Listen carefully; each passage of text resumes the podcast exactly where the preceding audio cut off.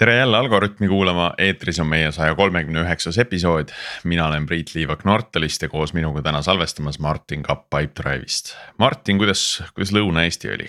Äh, Lõuna-Eesti iseenesest väga tore, aga sattus siuksele ajale ja me olime, äh, kuidas? et valus aga tuli, et Lõuna-Eesti tore, aga. jaa, ei no kusjuures valus aga on puht praktilisest poolest see loodus on väga kena, aga väga valus. Ah,. ajal, mil on ohtralt parme. Ja muid sitikaid, mis seal olid nagu kuidagi. kas sa tunned, et Lõuna-Eesti loodus on agressiivsem kui Põhja-Eesti oma? Ma tunnen seda oma kätes ja jalgades täna väga hästi igatahes. Et kuulajad siis, kes on, on ka sinnapoole siirdumas, vaadake ette aga ei, Lõuna-Eesti on väga tore ja, ja, ja Rõuge kandis seal väga mõnusad soojad järved, nii et äh, kellel praegusel ajal on võimalus minna, minge kindlasti. nii, aga täna, tänases Algorütmis, millest me räägime, täna me räägime mikroteenustest, mida on rohkem kui arendajaid. Ja külas on meil selleks Eerik Kaju äh, Wise'ist ähm, meil oli talle jube hea tiitel oli ka enne, aga see juba kadus ära, et inseneeria ülemjuhataja või tootearenduse ülemjuhataja. ja tootearenduse ülemjuhataja ehk siis inglise keeli director of engineering. Äh, aga kuna meile eesti keeles see direktori tiitel ei meeldi, et siis ülemjuhataja kõlab palju paremini. Äh, tere, Eerik. no tere, tere. kuidas sul kogemused Lõuna-Eesti metsiku loodusega on? Päris lõunasse nii tihti ei jõua, tavaliselt talvel äh, Otepääl, aga suvel ma käin tavaliselt Põltsamaal veelauaga sõitmas ja seal on neid parme ka päris palju. talvel vist see Lõuna-Eesti nii metsik ei ole. Äh, lumine on. rahulikum, karud magavad ja, ja. enne kui me lähme mikroteenuste juurde, ole hea, tutvusta ennast ka paari, paari lausega meie kuulajatele, et äh, tänast Wise'i rolli me teame aga näiteks millega, millega sa enne Wise'i tegelesid ja kuidas sa üldse Wise'ini jõudsid? et võib-olla see on huvitav pool. Äh, Wise'i jõudsin aastal kaks tuhat neliteist ehk siis umbes kaheksa aastat tagasi. Äh, enne seda olin rohkem konsultatsiooni business'is ehk siis äh, äh, olin outsource itud arendaja erinevates projektides Eestis ja Rootsis. aga Äh, alati tahtsin ehitada toodet, et, et see, et see töö oleks võib-olla ajas püsivam, et saaks nagu näha ja järjest äh, klotside kaupa üles ehitada äh, toodet ja luua talle tulevikku. et et saaks seda muutust nagu pikemalt jälgida. no täpselt, et üldiselt noh, sellises traditsioonilises outsourcing us pluss on see, et võib-olla saab näha hästi palju erinevaid tehnoloogiaid ja liikuda projektide vahel tihti, et ma mäletan, mul oli üks aasta, kus ma olin äh, kaasatud viieteistkümnesse projekti, et näeb nagu hästi palju, aga võib-olla ei olnud nii palju sellist äh, sidet nende projektidega, et mingi hetk annad üle ja siis ei teagi, mis seal vahepeal toimub. et äh, toote arendamise võlu on see, et sa ehitad ja sa nagu näed neid tulemusi ja sa omad suuremat mõju ka selles osas, mis hakkab tulevikus saama aga see tähendab tegelikult ka seda ju, et, et tootearenduses peaks püsima äh, ikka pikemalt. et noh, et need, need inimesed, kes lähevad tooteettevõttesse tööle ja siis kahe aasta pärast hüppavad mujale, tegelikult neil on hästi sarnane efekt nagu. nagu teenusettevõttes või konsuldiettevõttes, et.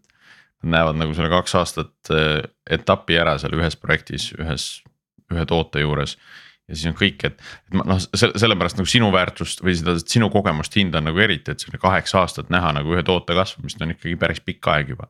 nii on, aga ma olen ka väga nautinud seda teekonda so far.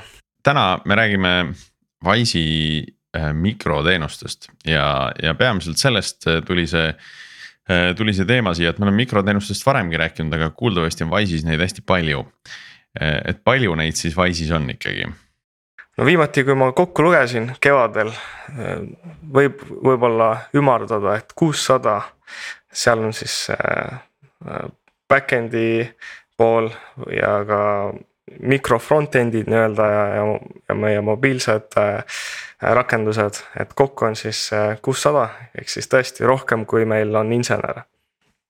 insenere on meil umbes viissada kaheksakümmend praeguse seisuga. napilt no napilt kas see on kuidagi aga... eraldi eesmärk, et hoida seda numbrit niimoodi tasakaalu sellisena?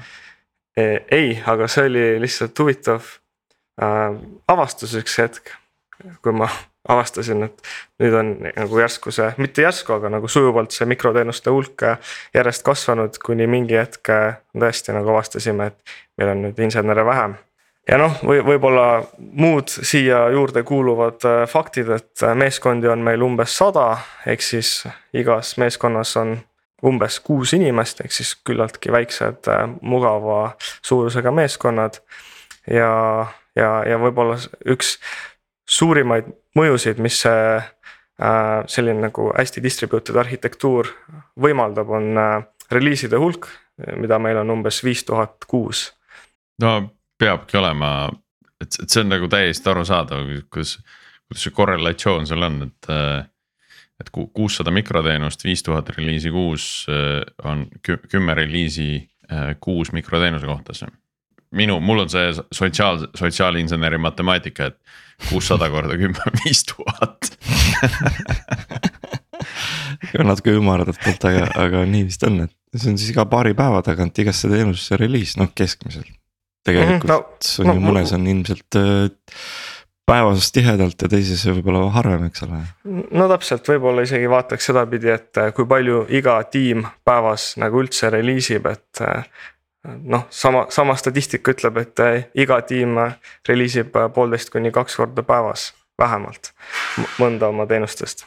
nii, aga nüüd siis väga ootuspärane küsimus, et, et, et miks neid pagan nii palju peab olema? See on hea küsimus alguses kindlasti ei peagi olema, et ma leian, et alustada nagu ükskõik mis projekti nullist ta tasuks monoliidist ja võib-olla modulariseerida seda selle monoliidi sees.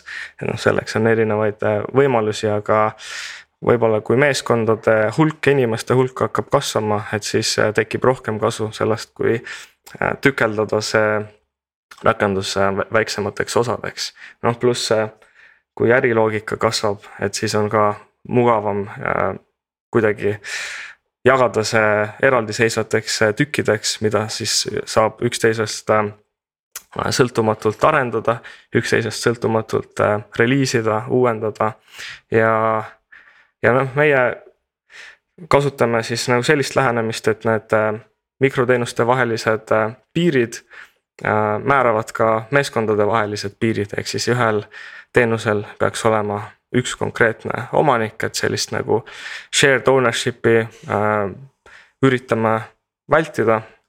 ja siis äh, noh, selle teenuste topoloogia järgi joonistub välja ka meeskondade topoloogia. sa mainisid ka, et noh, et alustada ikkagi monoliidist, eks ole, ilmselt, ilmselt ka Wise on niimoodi alguse saanud. palju teil monoliiti veel järgi on või kas üldse on? no sellega on ka niimoodi, et võib-olla, et kui isegi, kui on sadu teenuseid, siis äh, mõni ajapikku ikka kasvab ka nagu nii-öelda uueks monoliidiks, et eh, noh, varem või hiljem jõuad sinna punkti, kus, kus hakkad mõnda, mõnda asja, mis sa äh, lõid lahku nagu vanast monoliidist uuesti lahku lööma, mis on selline naturaalne protsess, aga jah, et kui mina liitusin Wise'iga, siis meil oligi ainult üks äh, monoäpp äh, siis, siis üks nagu võib-olla esi, esimesi projekte, milles ma äh, võtsin osa kaks tuhat neliteist oligi äh, nii-öelda selle back office'i ja siis äh, customer facing äh, osa pooleks äh, löömine.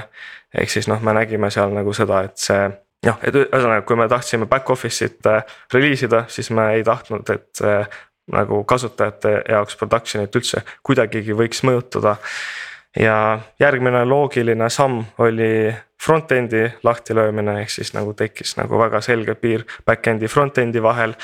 ja sealt edasi umbes kaks tuhat seitseteist või ütleme, et kaks tuhat kuusteist kuni kaks tuhat seitseteist vahemikus hakkasime siis aktiivselt äh, meie seda äh, nagu customer facing monoliiti tükkideks jaotama, et umbes kaks tuhat seitseteist oli meil kaheksakümmend teenust kaks tuhat kakskümmend oli nelisada teenust ja täna on siis umbes kuussada.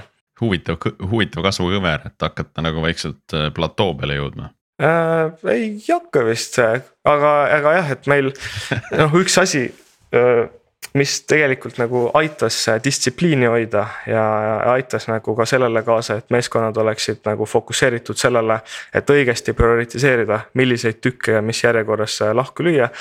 oli see, et me lihtsalt mõtlesime välja enda jaoks ka formaalse eesmärgi, et, et meil võiks olla vähem sellist single source of failure nagu teenust, nagu see esialgne monoliitrakendus oli. ja siis äh, panime eesmärgi ja vaatasime kõveraid, et äh, äriloogika hulk mikroteenustes peaks kasvama ja äriloogika hulk selles äh, esimeses nagu monoliidis, mis, mis ka stack'i poolest veidi erines sellest, kuidas me uusi teenuseid ehitasime, et see pidi kahanema. ja siis, kui me nägime, et kuust kuusse ja kvartalist kvartalisse. see trend oli selline, siis see tähendas meie jaoks, et ilmselt liigume õiges suunas. aga jah, mingit sellist nagu liiga maniakaalset eesmärki, et äh, decompose ime seda monoliiti noh, lihtsalt nagu modelliseerimise pärast, et seda ka ei olnud, et seal oli ikkagi mingisugune strateegia äh,. see oli nagu meie sisemiselt jaotatud selliseks äh, tier one, tier kaks, tier kolm, tier neli äh, kriitilisuse mõttes äh, teenusteks äh,. ja siis nagu tähtsamad ja kriitilisemad jupid läksid nagu pigem enne. et võin, võin ka tunnistada, et mingisugused osad sellest äh, rakendusest, mis, mis oli seal aastast kaks tuhat üksteist äh,. on siiamaani alles, aga, aga ta ei ole enam see kõige kriitilisem äh, teenus see sihuke keskmine punkt nagu ikkagi kipub pikk, väga pikaks ajaks jääma, ütleme niimoodi. et vaadates äh, siin oma firma pealt samamoodi, eks ole, et monoliit on kahanenud ajas. täpsemini ta ei ole ka suuremaks kasvanud vähemalt aga kõik see muu seal ümber on nagu arenenud ja võtnud nagu siis vastutust ära selle, selle suure monoliidi käest kui, kui, kui sa nüüd mainisid seda, et see noh, üks eesmärk oli sellise äh, keskse oh, sellise hapra punkti nagu äh, üritan siin väga-väga nagu seda eestikeelset, et seda single point of failure'i nagu äh, kõrvale hoida, et kuidas sa täna näed, et. et kas, kas see on õnnestunud või on endiselt seal äh, kuskil teenuseid, millest noh, ma ei ütle kõik teised mikroteenused sõltuvad, aga, aga teatav käputäis, mis on natuke liiga palju, kui sa tahaksid ähm, noh, et ma näen, et, et selleks, et seda nagu täiesti korralikult nagu vältida, tuleks, eh, tuleks ka teha sellist eh, andmete duplitseerimist ja võib-olla ka funktsionaalsuse duplitseerimist teatud kohtades, mis on sellised äh, hästi äh,, hästi laialt kasutatavad äh, teemad noh, ma ei tea, näiteks tõlgete teema on ju, et kuidas, kuidas see nagu erinevates mikroteenustes on lahendatud, mis seda kasutavad, on ju. kui sa teed selle eraldi mikroteenuseks, siis sul on nagu mingis mõttes single point of failure. mille sa saad muidugi maha võtta igasuguste cash'ide ja muude viguritega äh, või ära maandada, äh, aga aga noh, ma usun, et on ka neid teisi teenuseid, mille puhul äh, seda, seda maandamist nii lihtne teha ei ole, on ju. kasutaja andmed, kasutaja põhiandmed umbes eks kriitilisuse ja riskide äh, noh, riskidest lähtuvalt äh, tehakse neid valikuid, et äh, kus seda cache imist ja kus sellist nagu tarka lähenemist on vaja, et noh isi-, isiklikust kogemusest siin mõned aastad tagasi ehitasime oma oma debetkaardi ja otseintegratsiooni Mastercardi ja Visaga ja tegime veidi innovatsiooni selles valdkonnas ka Visaga, et äh, olime maailma esimene kaartide väljastaja, kes oli sada protsenti cloud'is, sest et äh, traditsiooniliselt enne seda kaartide väljastamiseks ja otseintegratsiooniks oli vaja äh, neid HSM-e, mis on hardware security modul. ja, ja... Okay. ma mõtlesin, miks, miks küll, miks küll nagu, et see ei ole nagu siis ju pilv oli väga levinud juba. ja teine, noh teine asi oli, et, et, et skeemadel, Visal ja Mastercardil ja noh, ka UnionPay'l äh,, nendega integreerimiseks äh, oli vaja siis teie äh, data serv-, data service'isse tuua selline cage, kuhu pandi sisse siis nende proprietary riistvara, ehk siis noh, et vanasti oli see nagu küllaltki nagu ebamugav, et see tähendas seda, et kindlasti pidi kuskile mingisuguse andmekeskuse äh, püsti panema, et olla ühenduses Visa Mastercardiga. et siis me tegime Visaga sellise pilootprojekti ja olime esimesed, kes, kes said siis nagu sada protsenti AWS-is olla ja, ja nautida seda, et me ei pidanud üldse füüsilises maailmas midagi ise püsti panema. aga noh, ütleme, et kaartide protsessimises, et seal on vaja nagu kiirust, et seal on vaja nagu sellist äh, resilience'i ja seal meil ka ajapikku ühest äh, monoliidist. Äh, see asi nagu laienes umbes kolmekümne, neljakümne teenuse peale ja noh, seal siis nagu nende teenuste vahel, eriti siis nagu reaalajas maksete töötlemisel, et seal noh, on omajagu seda cache imist ja, ja andmete duplitseerimist, aga noh. siin tulebki võib-olla äriloogika järgi vaadata, et kus, kus seda on vaja teha, kus seda ei ole vaja teha ja kui on vaja teha, siis püüda panna enda jaoks numbritesse, et miks, miks, miks seda on vaja teha ja siis. kui numbrid on olemas, siis kindlasti on meeskonnal ka motivatsioon see ära teha. aga jah, et meil, kui me vaatame neid äh, kuutesadat teenust, mis meil on, et siis meil on äh, neli kategooriat teatud nagu juhendid, et kuidas neid hinnata, et. Äh, et kas ta on siis tier üks kõige kriitilisem või, või tier neli kõige vähem kriitilisem ja siis. kuna nad kõik on niimoodi ära kaardistatud, siis kõik nagu, mis puudutab äh, seda äriloogikat äh,, mida nad siis nagu võimaldavad. et võetakse arvesse siis nende teenuste kriitilisust ja lähenemine nendele on ka erinev aga kas see mõjutab siis ka nagu operatiivselt igapäevatööd nende teenustega, et näiteks ma ei tea, mis see jaotus võiks olla, et noh, et tier ühte on viis protsenti teenuseid, tier kahte on, ma ei tea, kakskümmend protsenti, siis. ülejäänud jaotuvad kuidagi seal või, või või on, kui palju teil on nagu see jagamine, et kas, kas neil on ka erinevad kriteeriumid näiteks, et kui kiiresti on vaja see probleem lahendada, kui peaks olema tier üks äpis. teenuses nagu mingi viga versus tier neljas või, või mingi security patch või? Äh, nojah, kindlasti, et seal meil sisemiselt iga, iga nädal äh, kindlasti noh, ettevõtte sees neid teenuseid omavad tiimid jagavad näiteks andmeid äh, uptime'i osas ja kuidas, kuidas on olnud availability'ga ja, ja noh, kindlasti see äh,. On-call'i rotatsioonide puhul on natuke teistsugune lähenemine äh, nendele rotadele, kes äh, kes tegelevad nende tier üks teenustega, et noh, kindlasti nagu noh, observability ja nagu kogu selle. Nende teenuste eest hoolitsemise osas on, on, on asjad natuke teistmoodi seda jaotust äh, ma ei oskagi öelda ausalt öeldes, aga mulle tundub, et on võib seda tier ühte on ikkagi üle viie protsendi kindlasti mm. -hmm, seda oleks äh, täitsa huvitav oleks teada, sest see kipub sageli nii minema, mulle tundub, et see tier üks kipub kasvama või ei, tegelikult ma arvan, et, et siin tekib see split on see vist sagedasem, et on tier üks ja tier neli ja seal vahepeal nagu noh, midagi ei ole, et kõik on kas väga tähtis või nagu mitte väga tähtis. Aga et, et palju seal keskel nagu oleks, et mis, milline see kõver nagu on tegelikult. No me oleme üritanud ikkagi hoida seda distsipliini, et meil vahe, see noh, vahepealsed tier'id oleks ka täidetud ja noh, olla consistent ja kõik ühel meelel, kuidas, kuidas neid õigesti sinna klassifitseerida. ja noh, tier ühtede puhul, eriti kui on olnud mingisugused äh, suuremad tükid, kus, mida peaks nagu jaotuma, et siis on olnud ka prioriteet, äh, et, äh, et seda tier ühe koodibaasi vähendada, et see on olnud ka meil nagu sulaselgelt välja öeldud ja kokku lepitud kokkulepe meeskondade vahel, et ikkagi Äh, ma arvan, et jah, naturaalselt mm, -hmm. kui mitte midagi mitte teha ja sinna numbritele peale mitte vaadata, et siis tõenäoliselt juhtubki jah, selline asi, et see, et see koodi hulk seal ainult kasvab. ja, aga oluline hoida seda võimalikult õhukesena, et, et ja. seda oleks lihtne hallata ja jälgida ja kõike muud. Ehm, kuidas te kõigel sellel nii-öelda silma peal hoiate, et äh, järge peate näiteks selle üle, et äh, milline teenus on millise tiimi omanduses või, või hallata Ehm, noh, ka, ka seesama erinevate tier'ide teema, et, et äh, kus see dokumenteeritud on, et, et kui tuleb kas uus inimene tiimi, uus inimene ettevõttesse. Äh, või ka sa ise tahad mingit ülevaadet saada, et, et äh, võiks ju olla mingi selline keskne nii-öelda developer portal või?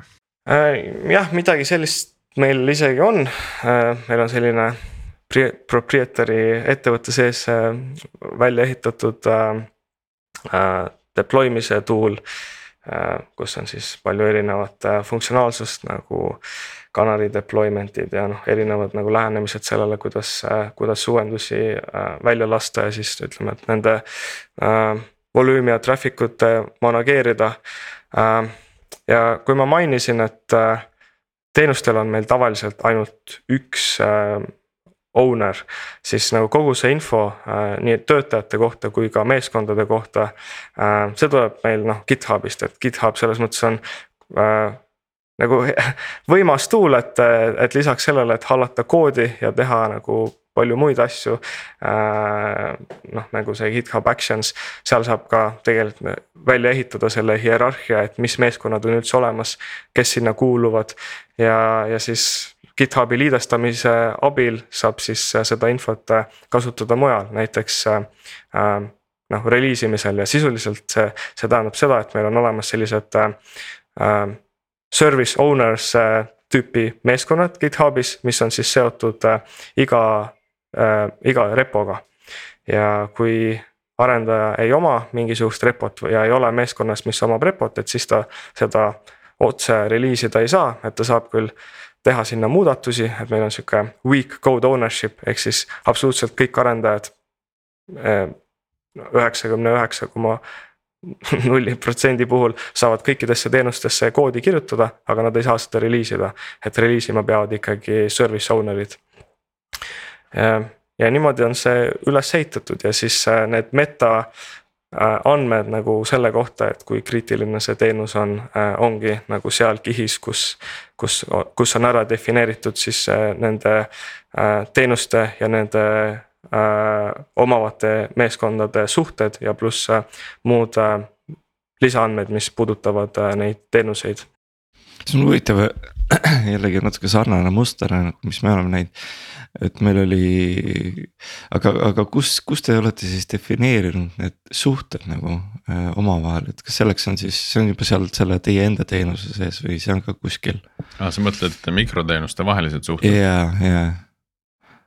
ja, ja tiimide sa ütlesid ka äh,, noh tiimid on vist selles äh, GitHubis juba, eks ole, tiimide teenused jah, jah, tiimide nagu definitsioonid, et mis, mis konkreetse nagu nime või identifikaatoriga äh, meeskond see konkreetselt on, et noh, selle jaoks on sellised äh, teenustega või noh, ütleme, et selle deployment tool'iga nagu te ütlesite, et see äh, arendajate back office, mis meil on välja ehitatud, et seal on siis äh, vastavad conf'id ja, ja neid conf'e äh, muutes saab siis muuta seda ownership'i ja, ja, ja muid asju, mis, mis puudutab selle teenuse reliisimist. et, et see on siis äh, ühe, ühte punkti kõik äh, kokku toodud ja noh, meil see. aga see teenuste provi... omavahelised sõltuvused äh,? mis, mis, mis nende sõltuvuste all silmas peate?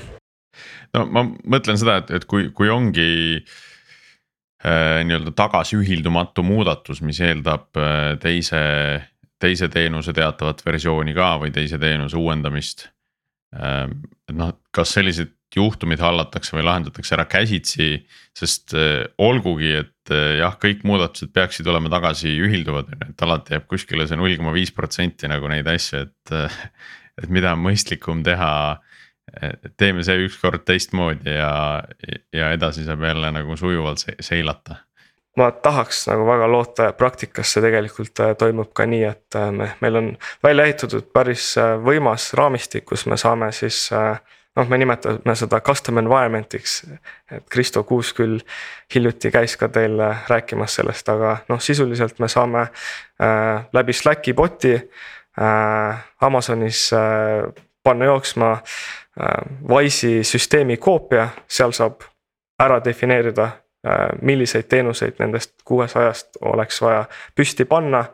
Äh, võib-olla nagu defineerida ka, mis konkreetsed versioonid ja, ja saab ja saab seda näiteks manuaalselt testida või siis saab jooksutada äh, süsteemi teste, mis, mis siis nagu reaalselt proovivad mingisugused kriitilised stsenaariumid läbi, et ja noh pluss äh, meil on nagu see staging keskkond ja, ja production'is on meil ka nagu äh, süsteemi testid, mis siis simuleerivad nagu reaalsete kasutajate äh, käitumist. Ja noh, eriti kui, kui siis äh, teha mingi Canary reliis niimoodi, et äh, traffic on äh, äh limiteeritud sellele muudatusele, et siis on nagu võimalik äh, production'is äh, ka nagu veel lisakaitse selle eest, et noh, mõni loll backwards incompatibility äh,, incompatible muudatuse laivi lükata.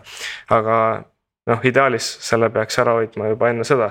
mis ma enda meeskondadega olen teinud äh,, kui me ehitasime äh, seda kaardi protsessimise arhitektuuri, siis me liikusime REST-i pealt äh, teenustevahelises suhtluses gRPC peale ja seal see probleem laheneb out of the box, kuna ta on noh, by design nagu alati nagu backwards äh, compatible, et. Äh, äh, ja noh, pluss, pluss siis mingisugused teised kiiruse ja näiteks äh, streaming'u tugi jah, mingisugused muud asjad, aga noh, üks, üks nendest side effects idest oligi see, et kaotasime ära täielikult selle probleemi, et äh, võib olla teenuste vahel mingisugune nagu backwards incompatible äh, muudatus mina tean, et äh, Wise on hästi selline, keskendub hästi palju nagu andmetele ja, ja, ja eesmärgipõhisusele äh,. räägiks korra sellest küljest ka, et kui on nüüd kuussada teenust ja palju arendustiime, et äh, kuidas nende arendustiimide äh, eesmärgid tekivad, just need lühiajalised eesmärgid. et noh see just nagu mis missiooni vaates eesmärgid ja, ja see andmestik, mida te jälgite nende, nende arendustiimide kohta, eks. Ehm, et kas see on ainult selle teenuse põhine, noh, ma ei tea, jõudluse eesmärk mingisuguse teenuse kohta, mingi number, mida optimeerida. Ehm, kasutajate, kasutajate number või, või kui palju sul üldse äri sees on ja kui palju need eesmärgid tehnilised on? Ehm, no meil jah, üldiselt see tootearendus ja enamus inseneeriameeskondi äh, omab ka mingisugust toodet või see toote osa, mida nad ehitavad. et äh, noh, enamus eesmärke tavaliselt me ikkagi üritame läheneda äh, kasutaja vaatenurgast, et kõik, kõik, mis me teeme, peaks kuidagi positiivselt mõjutama kasutajat. tavaliselt need võivad olla mingisugused toote lisad ja, ja ärilised meetrikad, aga ka tehnilistel meetrikatel üldjuhul on võimalik äh, nagu välja tuua. miks seda peaks muutma, no kuidas see tuleb kasuks kasutajale, et äh, et noh, kõikides nagu sisemistes diskussioonides me nagu alati üritame selle kasutaja juurde tuua ja, ja numbritesse panna äh,. miks kasutajate jaoks oleks vaja seda äh, teha.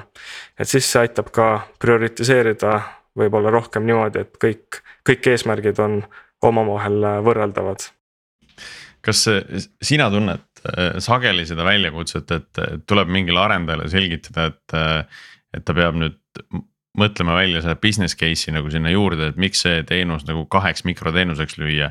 et äh, või noh, et, et vahel on selliseid, kuidas ma ütlen, religioosse suhtumisega arendajaid, kes, kes näevad nagu tehnilist probleemi ja tahavad selle kohe ära lahendada Äh, mõtlemata, et millist mõju see ärile omab või, või et kas see on just see kõige suurem mõju, mida ma täna lahendama peaksin. et tehniliselt see on väga oluline ja kui me seda ei tee, äh, siis see tekitab hiljem probleeme, aga, aga äriliselt on hoopis olulisemaid teemasid kõrval. Ähm, ja et selleks peaks siis just seda äri poolt ka vaatama, et, et kui, kui noh, Wise on suur ettevõte, sinna liitub ka palju inimesi, eks ole. Äh, ja, ja tuleb, tuleb ka kindlasti Äh, neid, kes ei ole nagu selle äripoolega nagu nii, nii lähedalt seotud olnud ja kellel see kogemus puudub, on ju, et kui, kui palju seda selgitustööd tuleb nagu teha, et. Äh, et, et inimesed selle äripoolega nagu pardale tuua või just see tootearenduse poolega siis äh, pardale tuua. ma tegelikult Wise'is olen näinud rohkem vastupidist probleemi, näiteks ütleme, et jah, kestva ja, ja pikaajalise success'iga asja ehitamisel peab silma peal hoidma ka tehnilisel võlal, et tihti need äh, modelliseerimise projektid äh, ongi ajendatud sellest, et ilma selleta äh, tekivad nagu ebamõistlikud riskid või, või mingisugune tehniline võlg, et kuidas selle tehnilise võla ja selle arhitektuuri arendamise näiteks tootejuhtidele selgeks teha. kes võib-olla just nagu ei näe nii hästi nende tehniliste motiivide sisse ja, ja näevadki nagu kõike nagu, et, et ütleme, et võib, võib, võib tekkida vahepeal selline küsimus, et, et miks me peame. nagu pool meeskonna effort'ist nagu nende tehniliste parenduste peale panema, kui, kui meil toode ju justkui töötab, et kõik ju toimib. Äh, et jah, rohkem on olnud sellega ja, ja kõik need diskussioonid äh, mittetehniliste inimestega, selgitamine Äh, võimalikult lihtsas keeles ja erinevate paralleelide äh, toomised äh, aitavad kindlasti kaasa, et mis ma ise olen kasutanud tavaliselt võrrelnud süsteemi arhitektuuri näiteks linna planeerimise, linna arendamisega ja siis me võime siis erinevaid teenuseid noh, kutsuda e-, erinevateks objektideks, mis linnas on, näiteks noh, lennujaamad äh,, päästeameti hoone, kiirabi, et nendel on kõikidel linnas mingisugused funktsioonid ja, ja kui võib-olla, kui me sellele tasemele äh, liigume, kus kõik saavad aru, kuidas linn toimib ja siis toome paralleele sellega, et kuidas süsteem toimib, kuidas mingisuguste asjade lahtilöömine või, või tugevdamine nagu aitab kaasa linna arengule, et siis tavaliselt äh, tekib see ahhaa-moment, et okei okay,, tõesti, et arendajad äh, äh, ei tee seda niisama, vaid nad teevad seda nagu selle jaoks, et meie süsteem kasvaks jätkusuutlikult ja, ja, ja toetaks seda kasvu. millele siis tootejuhid tavaliselt fokusseerivad, et siis, kui me suudame nad ära veenda, et seda on kriitiliselt vaja selle jaoks, et me saaksime turvaliselt kasvada ja meil ei tekiks tehnilisi probleeme tulevikus, siis, siis nad on Äh, tavaliselt arendajatega kohe ühel meelel, kuna pilk on anyway alati tuleviku suunas. see, see kallutatud mõtlemine on, on minu arust väga huvitav, et, et, et üldse saab tekkida see mõte, et nad teevad seda niisama. et see on umbes nagu mul tuleb mingi ehitusmees ütleb, et ei, et noh, me peame siin selle pool seina maha lõhkuma ja selle toru välja siit võtma ja ära vahetama. siis ma mõtlen, ei, ei, sa tahad lisaraha teenida, et, tegelikult tema, tema jaoks see tähendab nagu mitu päeva nagu higistamist seal lihtsalt nagu mingi asja lõhkumist ja mingi tüütu räpane, kõik tolmune ja vastik. ja siis mina mõtlen, et ei, ei, sa tahad lisaraha teenida, noh et, et arendaja puhul on tegelikult samamoodi, et kui me mõtleme mingi, mingi asja refaktoreerimise peale et, et noh, see on ikkagi natukene selline nagu räpane töö, et sa pead seal nagu vaeva nägema, keskenduma, pingutama.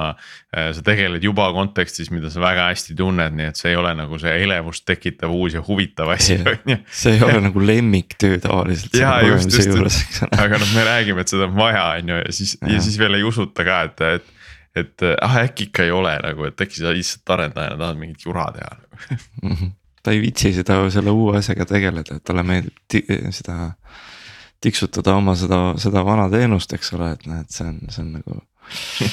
timmida seda aga see on huvitav, et sa ütlesid just, et, et see, et see on nagu teisipidi, et noh, minu jaoks see on, see on kihvt kuulda, et. et inimesed nagu hakkavad üsna kiiresti nagu selles tootemustris mõtlema ja siis pigem tänu sellele võivad nii-öelda selle tehnilise võla natukene nagu tahaplaanile jätta noh, midagi jääb igal juhul fookusest välja, ju.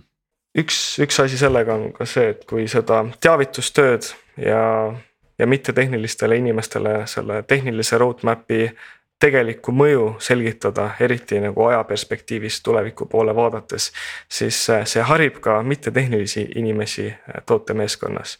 ja see efekt on see, et võib-olla mõne kvartali pärast on järjest vähem selliseid küsimusi, kuna nad saavad sellest äh, tootearendajate meeskonnast äh, paremini aru ja nagu nende töö sisust, et äh, miks, miks nad midagi teevad.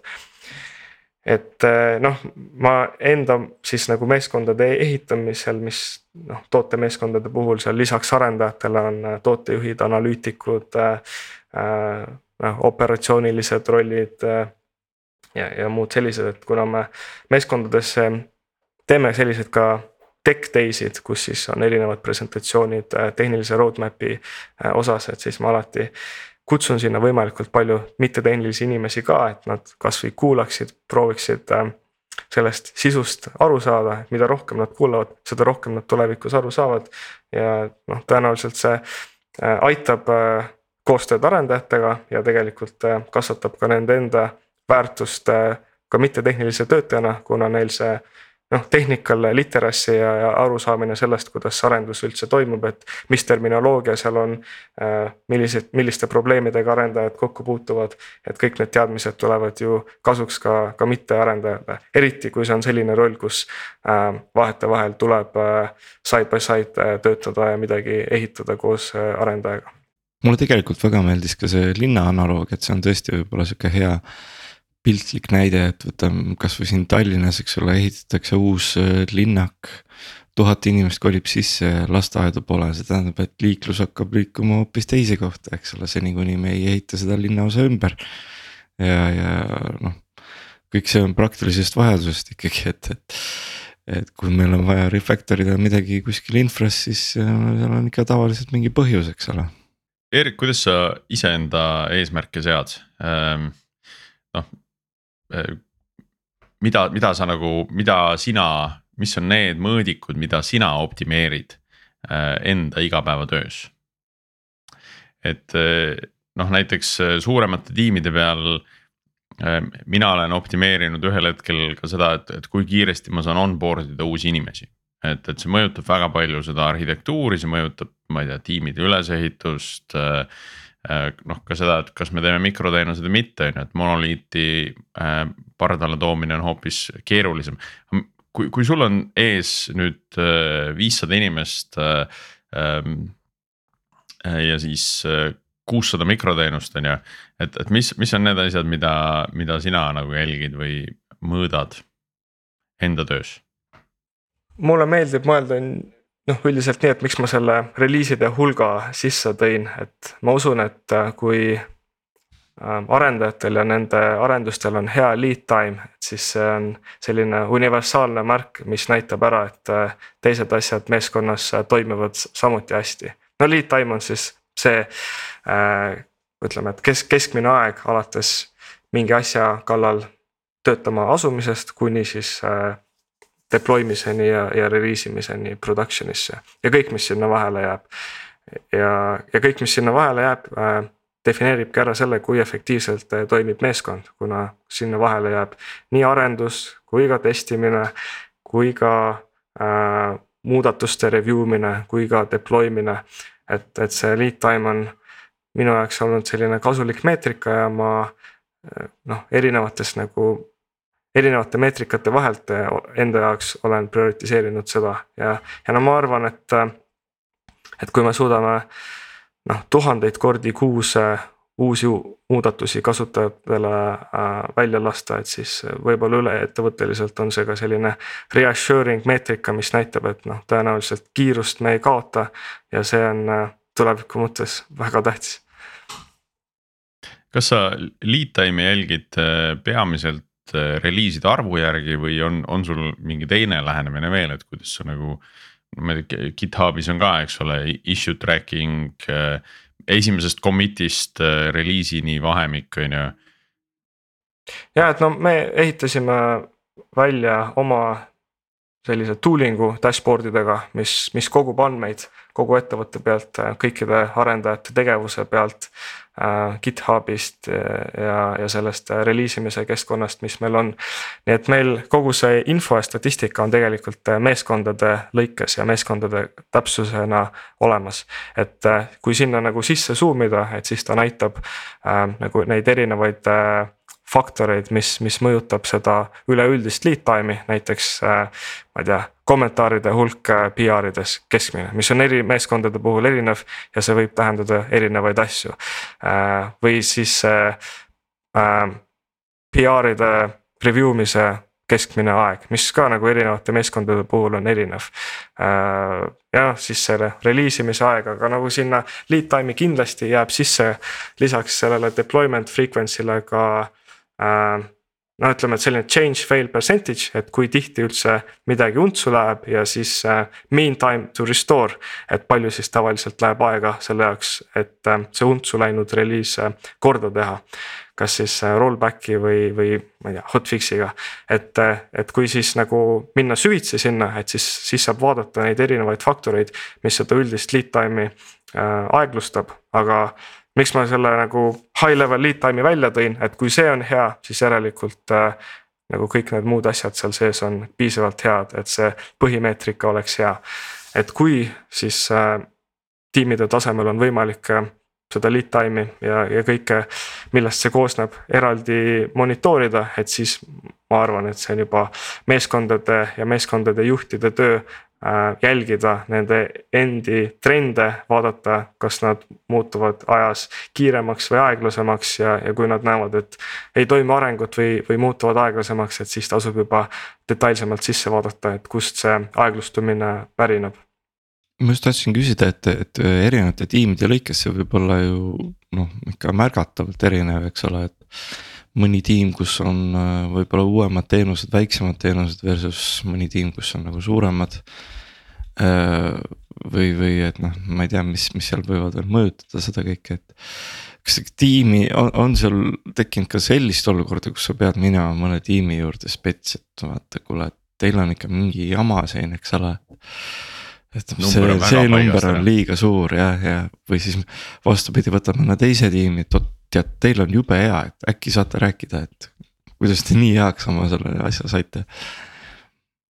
Äh, no kindlasti äh, on mingisugused äh, näiteks teenust kirjeldavad parameetrid, mis mõjutavad seda otseselt, et mis me sellest statistikast oleme kindlasti nagu välja lugenud, et noh, suurtemate teenuste arendus või ütleme, et suurtem, suuremad PR-id tavaliselt tähendavad aeglasemat lead time'i. ehk siis, kui mõni meeskond avastavad, et nad on aeglased, võib-olla siis tasub teise meeskonnaga võrreldes vaadata, kas äkki need PR-id on nagu liiga suured. ja äkki tasuks kuidagi tükeldada neid väiksemateks release itavateks osadeks, et liikuda kiiremini. Äh, noh, siis ütleme, et üks asi, mis ma olen avastanud, kui on väga palju diskussiooni PR-ides, siis see tavaliselt viitab sellele, et äh, PR-ile eelnenud äh, ettevalmistustöö meeskonna tasemel ei olnud, olnud piisavalt hea. Äh, kui on ikka niimoodi, et inimesed nagu vaidlevad arhitektuuriliste äh, otsuste üle juba PR-i faasis, kus, kus, kus noh osa koodist on juba kirjutatud, et siis see on kindlasti liiga hilja, et oleks pidanud varem selle konsensuse tiimi tasemel saavutama ja alles siis kirjutama koodi. Äh, nagu muud huvitavad faktorid on see, et äh, kuna meil on see äh, weak code ownership, erinevad meeskonnad võivad kirjutada koodi üksteise repodesse, et siis nagu väga selge noh, väga selgelt on näha, et mida rohkem on sellist cross-team contribution'it, seda aeglasemaks läheb see lead time, kuna võõrasse teenusesse ja võõrasse koodibaasi kirjutamine ongi aeglasem, kuna see on võõras koodibaas ja pluss äh, need review'd on ka statistiliselt aeglasemad. et, äh, et siin on jah, päris, päris palju nagu selliseid asju, mida oli põnev avastada, aga me ei ehitanud seda tool'i kindlasti ka selleks, et saaks kuidagi sõrmega näidata, vaid see tool oli tehtud avalikuks kõikidele arendajatele, kõikidele juhtidele ja siis äh, meeskonnad said ise explore ida, vaadata Äh, ja teha omad järeldused, äh, kas, kas need numbrid, mis vastu vaatavad, on nende jaoks piisavalt head või mitte, et üldiselt ikkagi kõik meeskonnad tahavad olla efektiivsemad. ja, ja rääkides sellest modulariseerimisest, et äh, üks asi seal tracker'is meil olid ka top kõige suuremad teenused. ehk siis, kui sa sinna top kümnesse sattusid, siis noh, tõenäoliselt see tähendab seda, et sa oled monoliit. tahtsid ja... kohe natuke eemale vaadata, vaata ruumist põgeneda vaikselt. Ja et, et noh, üks asi, mis, mis me oleme selle kaardi äh, süsteemiga teinud, et me olime seal äh, top neljas ja siis, kui me hakkasime seda, siis enne seda otseintegratsiooni äh, Visa Mastercardiga tükeldama, et siis me sujuvalt liikusime sealt äh, top viiest välja, mis oli väga hea tunne vahepeal, et kui sa näed mingit PR-i, kus on miinus kolmkümmend tuhat koodirida, et see on südantsoojendav. see on tõesti mõnusad siuksed. aga ma mäletan, meil oli üks, üks hea meetrika siinjuures veel, et, et kui kõik see on, eks ole, tiimijuhina vaadata ja sa avastad, et sinu. siin mõnes sinu teenuses on nagu kõige rohkem kriitilisi või ütleme B2 bugisid või mingeid security asju siis see paneb ka üsna kiiresti liikuma, et sa ikkagi ei tahaks olla see, kellel on kõige nagu nõrgem teenus. Kogu firmas, eks ole, et siis mm.. ja et sest selles osas on meil äh, selline süsteem, et noh, me ütleme jah, neid äh, vulnerability asju ja, ja muid selliseid asju, et selle jaoks meil on sellised nagu bot'id. mis, mis analüüsivad reposid, äh, nende dependency eid, teeke, mis nad kasutavad ja siis meeskonnad ja kõik meeskonnaliikmed saavad notification eid. kui, kui on vaja millegi eest hoolt kanda, et siis jah, et võib-olla üks asi, mis veel välja tuua, et kui teenuste hulk läheb hästi suureks, et siis ei ole võimalik äh, võib-olla linnulennult äh, tegelikult nagu nii hästi sellest navigeerida, aru saada. Äh, et tuleb päris palju hakata automatiseerima ka. noh, selle jaoks on õnneks erinevad tööriistad olemas, mis, mis aitavad et kui minna sinna kõige algusesse, kust, kust, kust võiks öelda, et teil tekkisid mikroteenused. mis oli esimene põhjus, et kas see, et teil hakkas inimesi palju olema või et teil oli või te võtsite inimesi juurde sellepärast, et teil tekkis mitmeid teenuseid, kumb oli enne või kumb oli nagu see põhiline? ei es, esimene põhjus kindlasti selle back office'i ja, ja customer facing poole lahtilöömisel oli praktiline, et, et et ma ei usu ka seda, et äh, inimeste hulk otseselt mõjutab seda arhitektuuri, et, et kui sul on äh, väga suur äh, monoliit nagu megasuur monoliit, ütleme, et koodiridade mõttes nagu sama suur nagu meie kuussada teenust.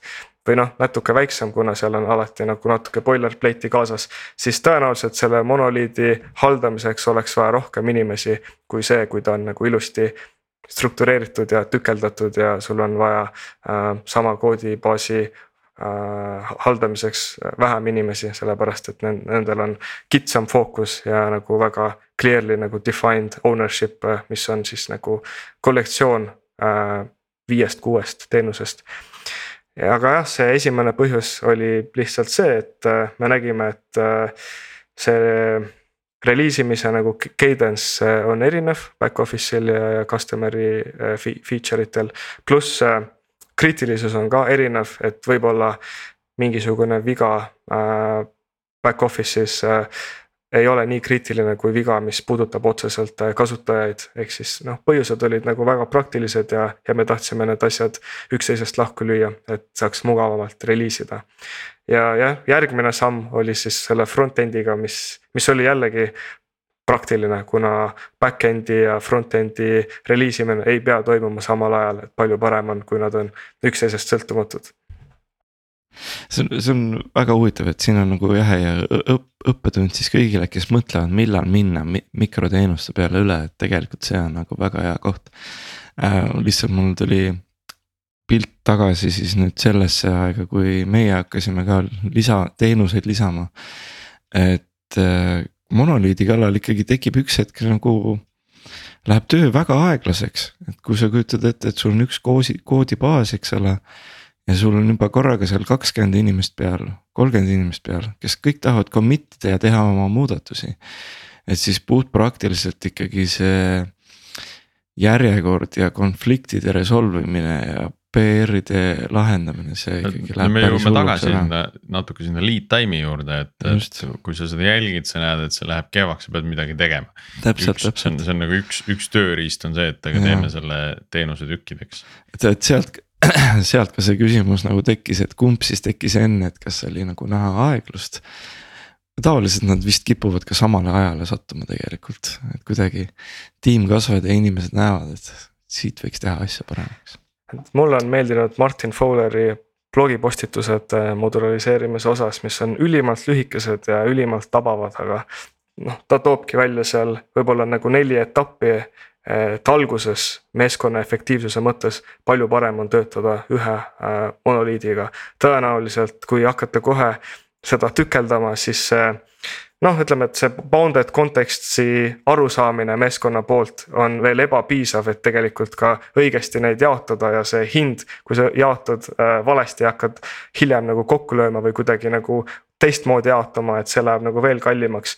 aga see efektiivsuse kõver mingi hetk hakkab kukkuma, kui seda äriloogikat ja complexity't tuleb juurde Eh, et noh, tema nagu üritas seda visualiseerida, et kui sa jätkadki nagu lõputult eh, monoliidiga, et siis see meeskonna efektiivsus järjest nagu langeb, langeb, langeb. et kuskil on see punkt, kus on mõistlik hakata neid tükke sealt lahti lööma, aga kindlasti võib-olla, et see take away ei tohiks olla ka see, et mikroteenused on paremad kui monoliidid, et nüüd hakkame nagu kõike tegema mikroteenustes. et see on pigem selline teekond äh, alati äh, monoliidist mikroteenusteni ja, ja tegelikult monoliiti saab sisemiselt ka ju tegelikult äh, mooduliteks äh, luua. no näiteks Gradle mooduliteks, et äh, siis on sul kõik ühes repos, sa võid ühes PR-is kasvõi kümme korda noh, ütleme, et neid mooduleid ja asju omavahel ümber tõsta ja siis ajapikku tekib nagu väga hea arusaam kuidas neid asju tegelikult lahti lüüa, siis kui nad äh, liiguvad erinevatesse teenustesse. et siis sul see modulariseerimise roadmap juba tekib seal selle monoliidi sees, kuna nagu erinevad tükid võivad olla üksteisest nagu sõltumatud ja erinevates moodulites ka monoliidi sees. et seda lähenemist ma olen äh, kasutanud ja, ja see on olnud nagu väga hea viis, kuidas simuleerida tuleviku äh, modulariseerimise projekte. ühesõnaga me jõuame tagasi, et mingis saates, kui me ka rääkisime vist mikroteenustest või mingisugusest nagu organisatsiooni arengust, et ühesõnaga. kõige efektiivsem minna üle monoliidist mikroteenusteks on teha õigeid asju õigel ajal.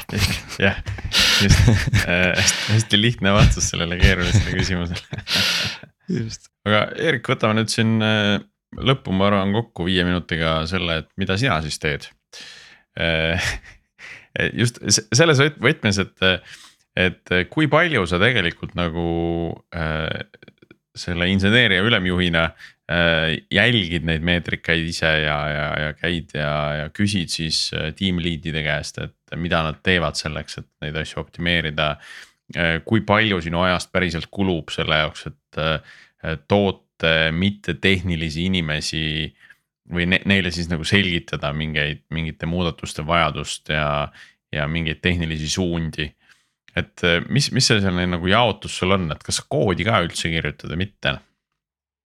et sa mingitest tiimide, mingeid tiime mainisid, kes sul on, eks ole. koodi ikka kirjutan. Ähm, ma olen üritanud läheneda asjale nii, et noh, ma esiteks ma kirjutan äh, oma sellised avalikud plaanid, mis on jagatud äh, kogu meeskonnaga sisuliselt kogu ettevõttega. sama teeme ka kõikide arendajatega, kes, kes mulle organisatsioonis on. et nende plaanid on ka struktureeritud, kirja pandud ja, ja, ja tiimiliikmetele nähtavaks tehtud. Äh, ja tavaliselt ma sinna oma sellesse OKR-i panen üks või kaks tehnilist projekti nagu per aasta, et siis ma tean täpselt, et vähemalt nagu mõned kuud aastas ma deliver dan koodis ka mingisuguse asja ära.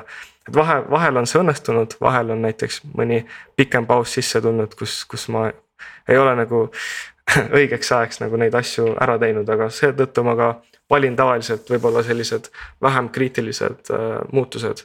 Ja üks, üks nagu inspiratsioon noh, tegelikult on näiteks äh, Kristo Käärmann, kes ka siiamaani äh, olles tegevjuhina äh, päris stabiilselt kogu aeg kirjutab äh, koodi, et lisab nagu mingisuguseid äh, feature eid, osaleb mingisugustes projektides, et ma arvan, et see on kõikidele arendajatele motiveeriv, kui kui, kui tegevjuht contribute ib ka koodibaasi.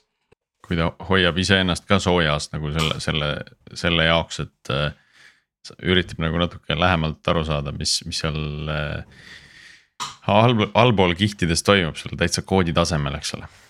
jah, ja kusjuures ta on päris hea arendaja, mis on päris äge, eks ole ja äkki me peaks teda kutsuma siia episoodi rääkima, et kuidas, kuidas hoida ennast soojas nagu äh, tegevjuhi rollis. ma arvan, et see võib olla päris inspireeriv. arendaja no täpselt ma arvan, et tänaseks äh, me tõmbame sellele episoodile joone alla äh,. aitäh sulle, Eerik, meil oli väga äh, põnev vestlus, ma sain päris äh, mitu uut asja teada. ja, ja võib-olla siis julgustasime teisigi seda mikroteenuste rada ikkagi äh, rändama. hoolimata sellest, kui, kui keeruline see ka ja kallis see on, sellest hinnast me üldse ei rääkinud nagu, et mis, mis see, mis see kulu sellega kaasneb, kui sul on kuussada mikroteenust ja, ja palju inimesi äh, aga ma usun, et selle kohta on väga palju juba teisigi videosid ja, ja podcast'e tehtud, nii et. et mul on hea meel, et me saime keskenduda just nagu Wise'i spetsiifilisele loole. ja tänud ka meie kuulajatele, soovime siis äh, ähm, taas või siis soovitame siis taas soovitada teemasid meile. et meil on küll siin suvi juba päris mõnusalt ära täidetud, meil tuleb täitsa selline äh, temaatiline episoodide seeria peagi äh,. aga, aga sealt edasi on, on endiselt backlog avatud, nii et äh,, et ootame soovitusi endiselt ja jääme kuulmiseni järgmisel nädalal. Thank you.